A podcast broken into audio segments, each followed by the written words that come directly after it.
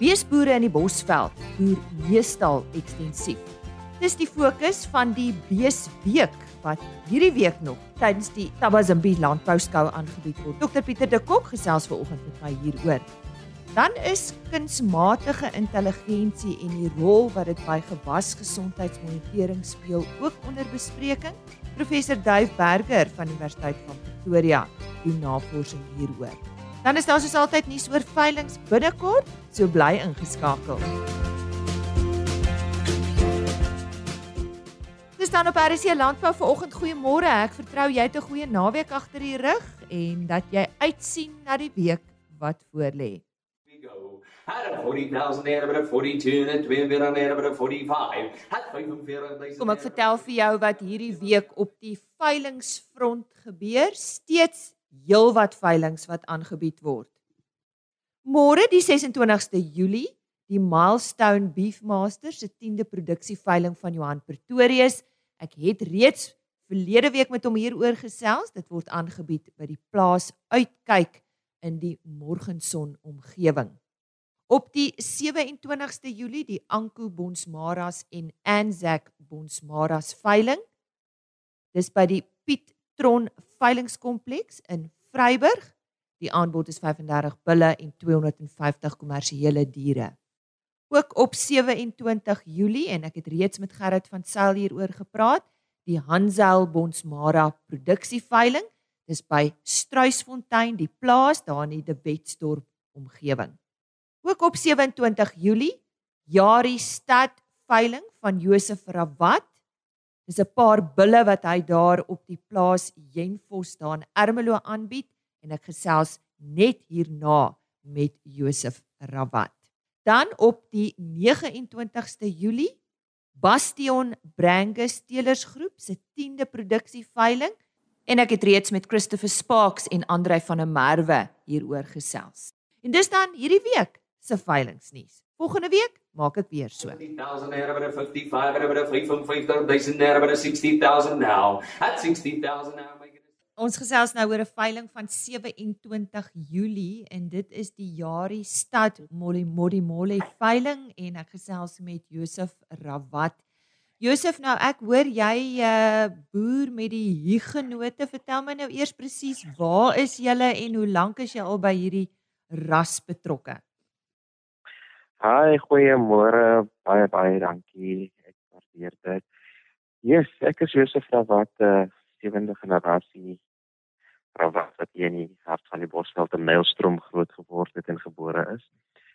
Ek boer tans met die genote nou vir die afgelope 5 jaar en ons is baie trots op ons genootkudde. Dit is ook die enigste kudde waarin al ons diere genomies getoets is en DNA getoets is en waar ons trots is daarop data en die sekerheid van ons data.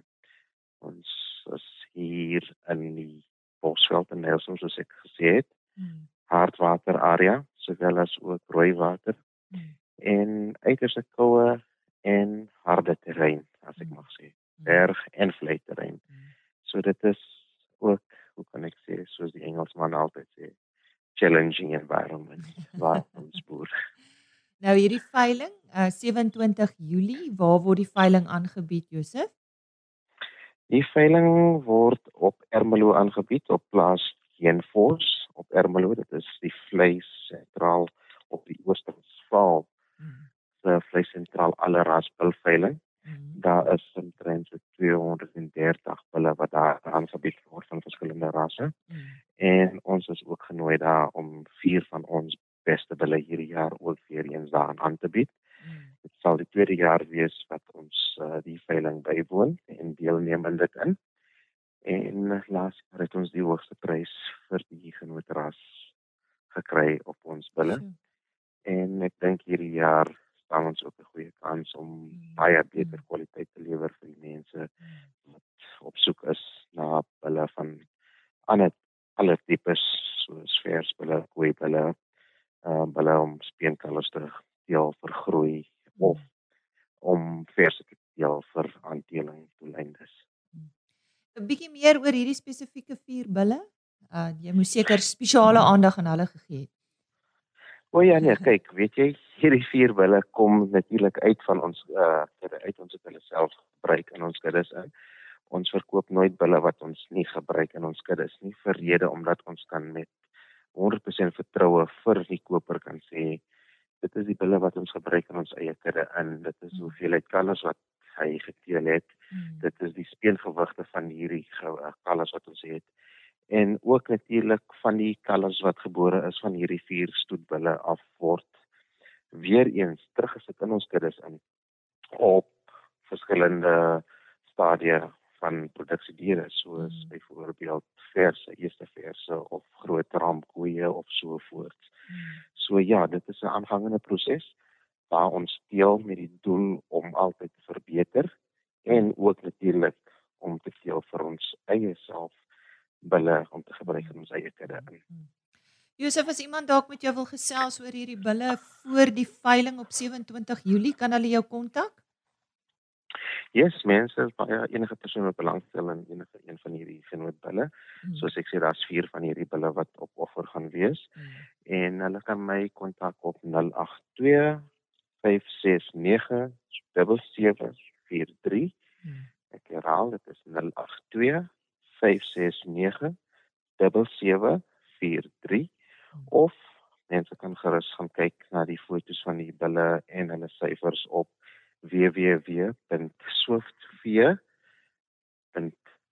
www.swiftfear.co.za of op Ah. die vleisven- vleissentraal Ermelo se Ja. Facebook webtuiste. Nou ja, so sê Josef Rawat.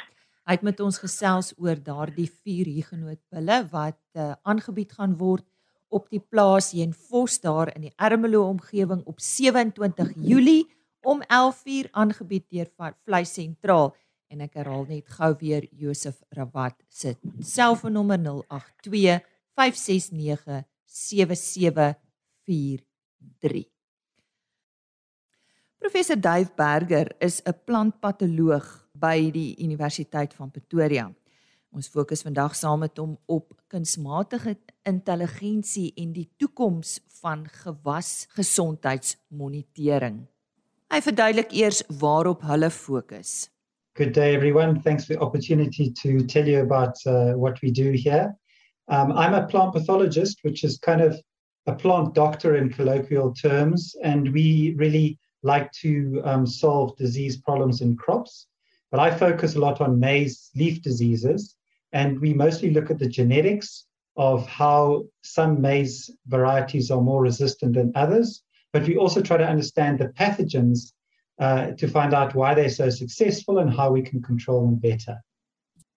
Maar waarom is gewasgesondheidsmonitering van peste en siektes so belangrik vir landbou en op die ou end voedselsekerheid? Crop health monitoring is really critical for food security um, globally. And this is because farmers lose a lot of yield from pests and diseases. And a global study recently evaluated around the world about 30% of the farmers' crop is lost due to pests and diseases on average. So you can imagine if a, a farmer could save that amount of yield, it put a lot of money in his back pocket. And uh, we've done research ourselves, and we've shown that um, northern leaf blight, one of the common maize leaf diseases here in South Africa, um, can reduce yields by 72% if you're planting susceptible maize. So we've actually been able to quantify that locally. But I think it's also important, crop monitoring is important for the farmer. He needs to be able to identify, he or she needs to be able to identify um, which pest or pathogen is present so they can apply the right control measures early, not later. But more on a more regional uh, scale, you know, pests and pathogens are the ultimate trespassers.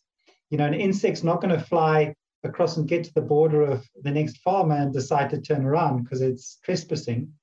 And so, on a regional basis, we need to, um, the agricultural crop managers need to be able to monitor crop pests and diseases growing across a region. And on the country scale, we need to be alert to invasive pathogens and pests like the fall armyworm when they come into the country. En nou die groot woord kunsmatige intelligensie of soos hy dit ook noem artificial intelligence. Wat is die voordeel daarvan? So artificial intelligence is something, it's a big buzzword at the moment, the fourth industrial revolution. And I like to use the definition that it's actually getting computer systems or designing computer systems to perform tasks which re- would normally require human intelligence. And so essentially, to actually develop an artificial intelligence method for a certain process, you still need the human. Okay, so you still need the humans to design the process. And so, what what what we would need to do, um, I can give an example. Let's say, for example, we want to develop an artificial intelligence method to distinguish between northern corn leaf blight disease, which is caused by a fungus, and white spot disease on the leaf of maize, which is which is caused by a bacteria. And you can't use the same control method for either. So you need to be able to distinguish them. So to the eye, they look quite different. The northern leaf blight is cigar shaped, and the the bacterial disease is, is uh, um, white spots. But to develop artificial intelligence, what we need to do is we need to train the computer to be able to uh, distinguish the patterns. So we go out in the field, take thousand photographs of each disease, and then we feed that to the computer. And so the artificial intelligence is the set of algorithms, and there's many different approaches in artificial intelligence. And those algorithms are basically looking for patterns in the data and what they do is they match those patterns that they see. Uh, you know, the computer is clueless. It's never been trained as a plant pathologist, but it has to actually find the pattern which matches the label that we gave it. So we give the computer and say, these are a thousand northern leaf blight and these are a thousand white spot. And every time the computer gets a good match, it keeps that model and then it keeps on improving and improving and improving. And eventually we have a computer model which actually can do the predictions at the best accuracy that we can get. Mm. And the way we know that is then we feed it 100 unknown images, okay, that is never seen before. And then we evaluate how accurate does it identify whether it's white spot or northern corn leaf blight, and that give it a percentage accuracy score.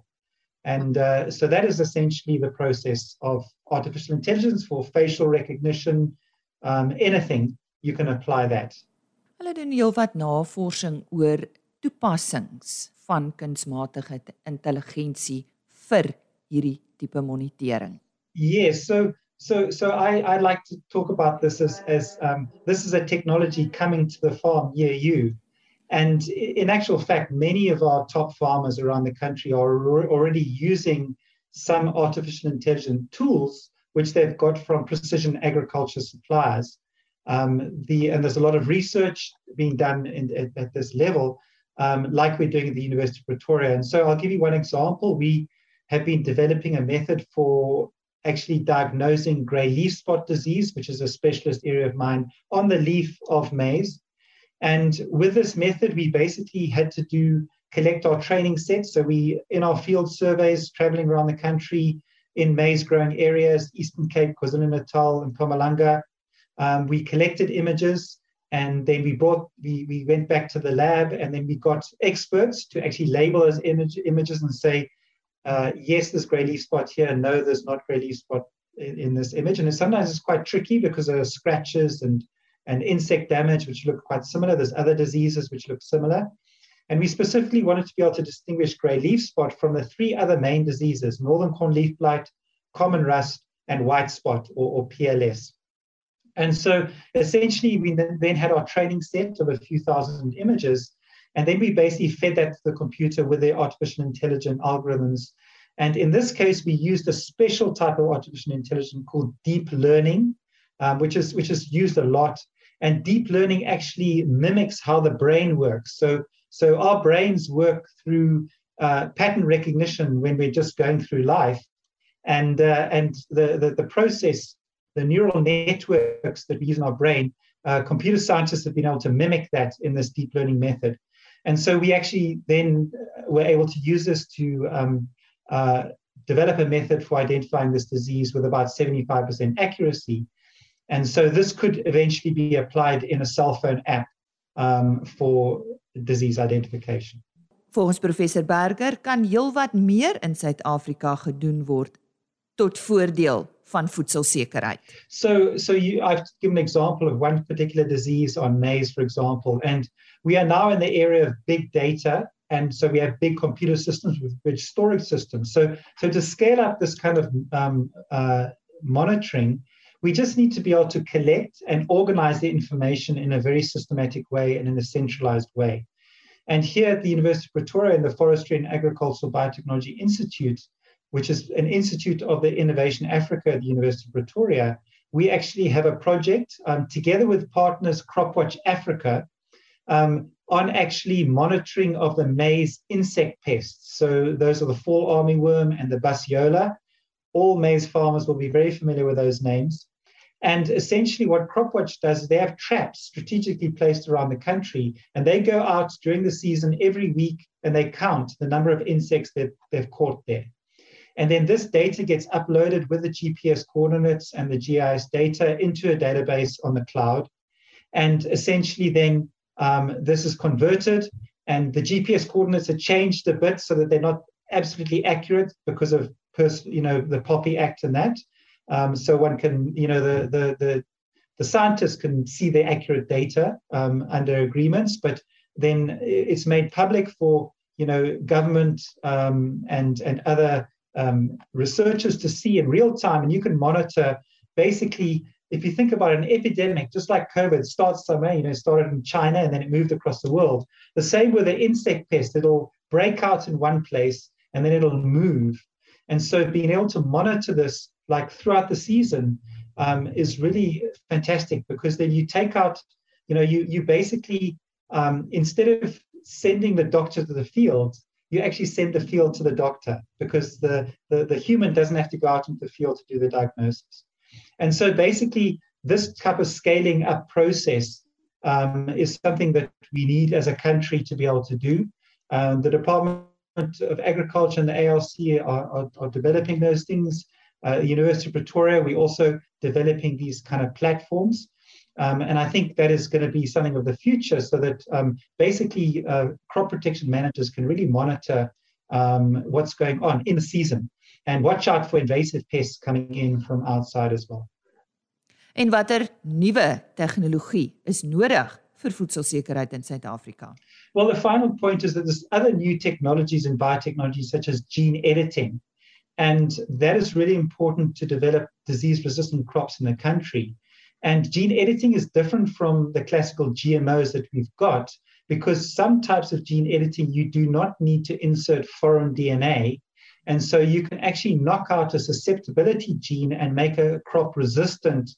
And this has already been shown in tomato by Dutch researchers, in wheat by um, Chinese researchers and without actually introducing foreign DNA. And so many countries around the world, um, such as the USA, Japan, Australia, Argentina, Brazil, Nigeria, Kenya, have recognized that there's this new technology that is regulated, doesn't have to be regulated like GMOs.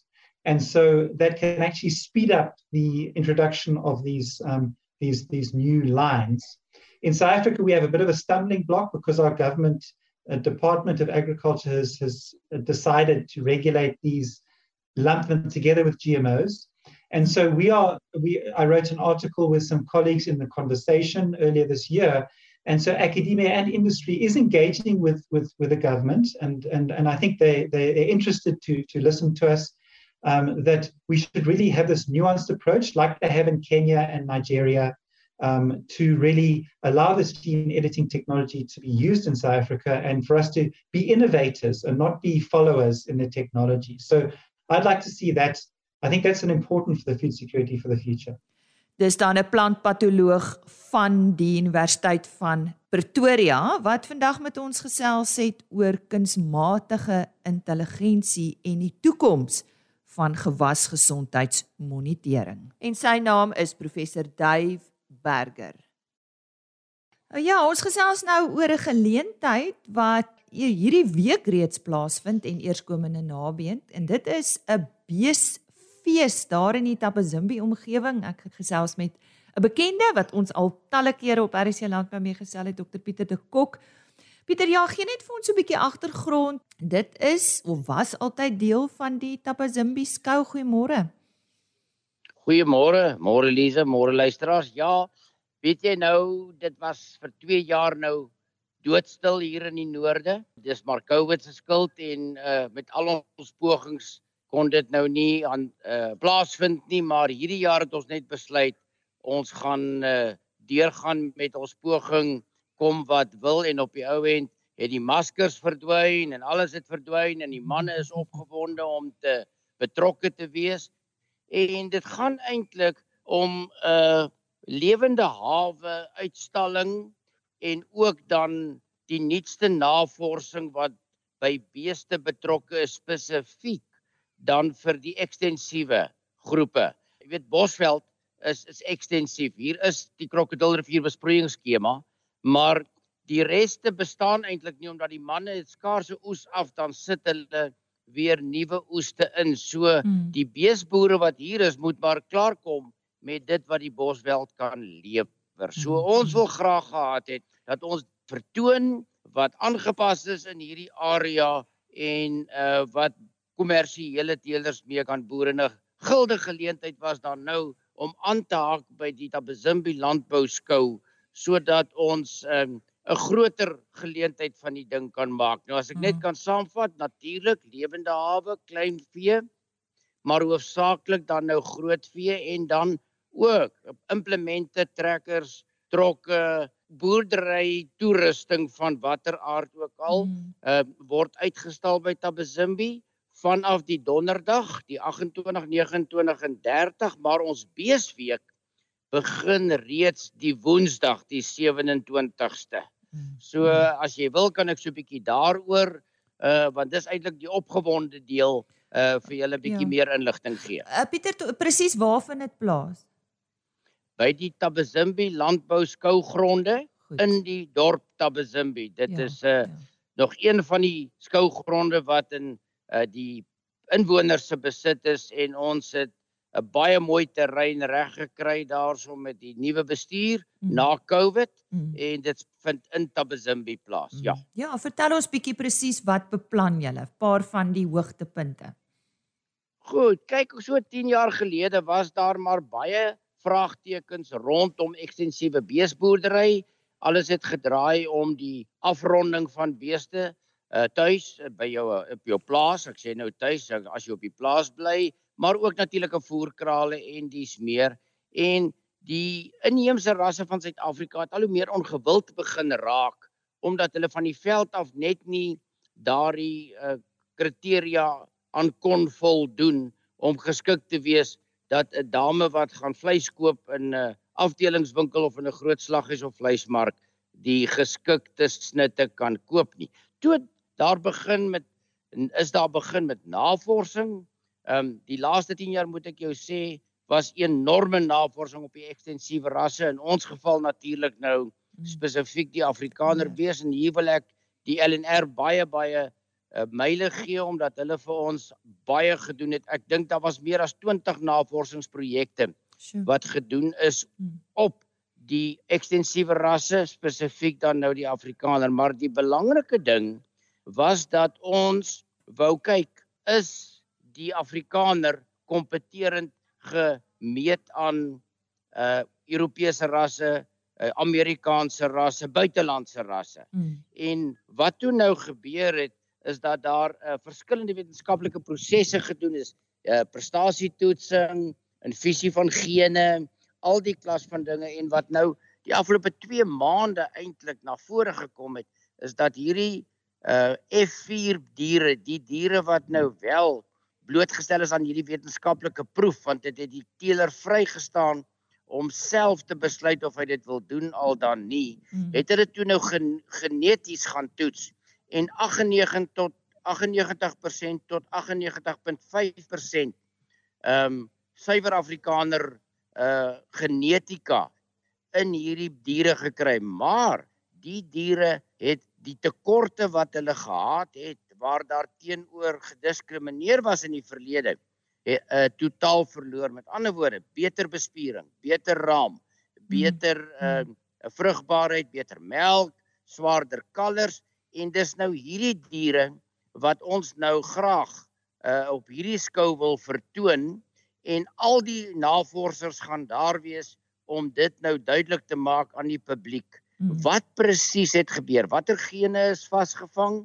Hoekom is die prentjie wat jy het van die inheemse rasse, veral dan nou die Afrikaner, verander? Hy lyk Mm. nie meer dieselfde as 'n klomp jare gelede nie, Mm. maar geneties gesien steeds 'n 99 of 98% ras-egte Afrikaner wat kan meeding. Ek dink gaan meer as 10 rasse wees wat hulle wat Mm. hulle wat hulle Ja. diere gaan kom uitstal en dit gaan 'n heerlike skou wees wat gaan eindig in 'n interras kompetisie en ons het skitterende interras ouens wat dan op visuele aspekte gaan toes, Mm. toespits Mm, mm. om te kyk is die beeste met mekaar vergelykbaar maar wat ons wel weet is dat die beeste het geneties nou genoeg bespiering en al die goed wat ek nou genoem het sodat Mm. die kommersiële teeler met gemak uh van hierdie uh teelmateriaal kan gebruik maak. Mm. En onthou daar's vyf verskillende inheemse rasse, so ek wil kan nou nie namens elke ou praat nie, maar Ja. hulle gaan almal daar wees en ons nooi alle kommersiële teelers uit om te kom kyk wat gaan aan want hierdie diere is aangepas. Baie keer Mm. ingevoerde diere Mm. het bietjie 'n probleem as dit baie koud word, baie warm word, as daar siektes is, vee oor ag wild oordraagbare siektes na vee Mm. toe, Mm. dan is daar maar bietjie 'n probleem. So uh dit gaan nou alles aangespreek word uh met hierdie uh beesweek wat ons aanbied. As ek kan voortgaan, ons begin Woensdag met 'n beeste kursus Ja. ehm um, wat nou eers dan uh uh lesings gaan wees, dan praktiese demonstrasies en ons gaan die aand lekker saam hê. Die volgende dag het ons 'n simposium wat wat handel oor al hierdie navorsingsprojekte en 'n paar ander dingetjies by ekonomiese uh aspekte van boerdery, hoe om jou kop bo water te hou.